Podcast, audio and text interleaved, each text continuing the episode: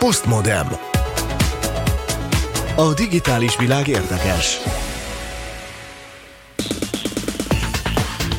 Egy érdekes megoldással foglalkozunk most a következő percekben. Amikor először elmesélte nekem Justin Viktor ezt a megoldást, akkor hát ilyen hátborzongató érzésem volt, hogy milyen módon lehet művészeti ágakat összekapcsolni egymással. És amikor megláttam a videót, amit küldtél, akkor meg olyan érzésem volt, mintha a Matrix világát valósítanák meg, mert egy táncos hátát láttam az első másodpercekben, amin ott vannak az érzékelők. Szerintem meg is nézhetjük ezt a felvételt rögtön, hogy hogy néz ki ez a táncos. Egy japán táncosról beszélünk egyébként, akit úgy hívnak, hogy Kaiji Moriyama, és ugye itt vannak ezek a szenzorok az ő hátán, és a szenzoroknak a mozgása az ő hátától függ.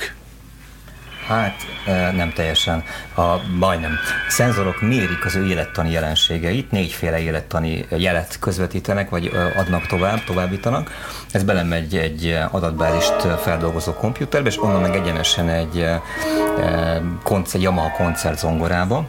Ez a Yamaha-nak egy, egy ilyen fúziós projektje, ahol a művészeti és technológiai dolgokat, valamint mű, különböző művészeti ágakat fúzionálnak. Itt látjuk is közben a billentyűzetet, így, így hogy van. mozognak a billentyűk. És ugye a, a táncosnak a, az élettani jelenségei vezérlik a zenét egy, egy mesterséges intelligencia szoftveren keresztül. Túl sokat nem árultak el róla, de azt lehet tudni, hogy adatbázisban vannak összekapcsolva a mozgásformák és a zenei minőségek, zenei variációk, és ezt játsza le az AI, az MI gyakorlatilag a mesterséges intelligencia, annak a függvényében, hogy a táncos éppen mit csinál, és hogyan. És miket mérnek ezek a szenzorok? Vérnyomás, meg nem lehet tudni, meg ezt nem mondták meg. Hát a élettani jelenségeket mérhetnek csak, Há, tehát mondjuk például, ilyesmi. igen, tehát a véroxigén szintet, vagy pulzust, vagy hőmérsékletet. Nagyon érdekes, mert ezekből az adatokból egyébként emocionális állapotokra lehet következtetni, tehát hogy mondjuk ha a táncos átéli azt, amit éppen eljátszik, látszik, hogy van egyfajta lelki állapota, akkor lehet, lehet egy szomorúbb vagy egy, vagy egy vidámabb És akkor eh, zene. durból molhang nem bevált hirtelen Például, a zene, igen, így hangulati van. töltés lehet ezzel esetleg. Tehát ehhez képest, jelezni. amit hallunk, az inkább ilyen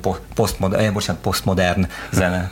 Ami... Kortás igen. Mű, mű állít elő a végén. Uh, nagyon-nagyon érdekes, tehát hogy a, a Yamaha hogyan jut el odáig, hogy egy, egy ilyen ötletet megvalósít, hogy egy mozgás, mert azért mégiscsak mozgásról van szó, hiszen táncosról beszélünk. Tehát az ő mozgásának a nyomán változnak az élettani jellemzői, és azokat fordítja át zenévé. Én, ahol én megközelítettem, és ahonnan nekem érthetővé vált ez a művészet. Nekem van egy Farkas Gábor Gábriel nevű barátom, aki egyébként táncművész, és ő hosszú évekkel ezelőtt ö, ö, csinált már olyan projektet, hogy színpadra állt, és az ő mozgása, az ő mozgása össze volt kapcsolva egy grafikus szoftverrel, és egy nagy kivetítőn festett. Tehát a tánc mozdulataival festett egy képet, és az előadás végére kész lett a kép. Ugye egy számítógépen, és ez ki, ki volt vetítve. Ez egy, ez egy szintén egy fúziós történet. Tehát itt most egyszerűen kicserélték szerintem a festést. Nekem ez volt az első gondolatom a zenére, és ide tenném még egy kicsit azt, hogy én mélyen hiszek abban, hogy a művészet az ilyen szinesztézia alapon működik, tehát nincs szobrász, nincs festőművész, nincs zenész, hanem igazán igazániból művészek vannak, akik mindenben tehetségesek egy picit, és hát miért ne kalandoznának, miért ne kapcsolnák össze a, a dolgokat. Tehát nyilván ez a Pali, aki ilyen, ilyen látványosan és, és e, e, szugesztíven táncol, táncművész, ő, ő zeneileg sem mondhatjuk őt analfabétának szerintem. Persze ő lehet, hogy nem zenében gondolkodik, tehát ő valószínűleg táncosnak tanult, Igen. abban profi, vagy abban magas szinten művész, csak, és valószínűleg nem is gondolta arra, hogy egyszer majd valaha létezik olyan technika, amivel az ő mozgására átfordítják zenévé. Zoli? Nekem egyébként egy gyakorlati megvalósulás jutott erről az eszembe. Melyik az a zeneművész, amelyik a mozgásával komoly jelentést ad a zenéne, zenéhez. Hát ez a karmester. Tehát Így van. teljesen más élmény megnézni egy koncertet egy szimfonikus zenekarral, és látni élőben a karmestert, notabene a zenészeknek is a mozgását, eh, amit hozzátesznek. Nyilván nem a, a hangszerkezelésről beszélek csak, arról is, hanem az egyéb mozgáselemeket. Eh, tehát egy zongoristának a mozgás az nagyon komoly jelentést ad az eladott darab, előadott darabhoz, de a karmester az meg aztán végképp, semmit nem csinál, csak mozog. És még mégis értelmezi a zenét. Tehát hozzáad valamit a mozgásával a zenei élményhez.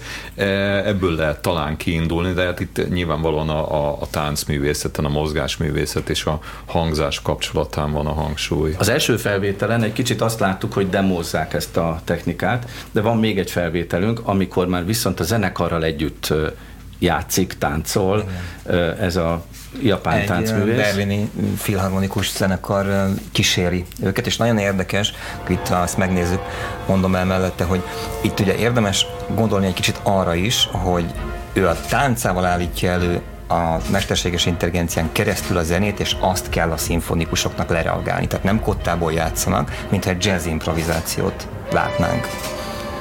Azért van előtt a kotta, előttük kotta, illetve tényleg kicsit ilyen karmester jellege de van neki, kiszám, hogyha nagyobb, nagyobb vagy intenzívebb mozgásokat is csinál, és Aha. úgy van a zenekar is elhelyezve, hogy mintha ő lenne a karmestere, nem? Hát lehet, hogy megvan előre koreografálva. Én, én valahogy úgy azt gondoltam, de lehet, hogy én tévedek, hogy, hogy ő spontán táncol, és ami jön, az, az, mert ugye van egy AI beiktatva, most ki tudja, milyen zene jön ki abból, de lehet, hogy mindent tud, tudunk előre, lehetséges. Szerintem ezt mind a kétféle módon lehet használni.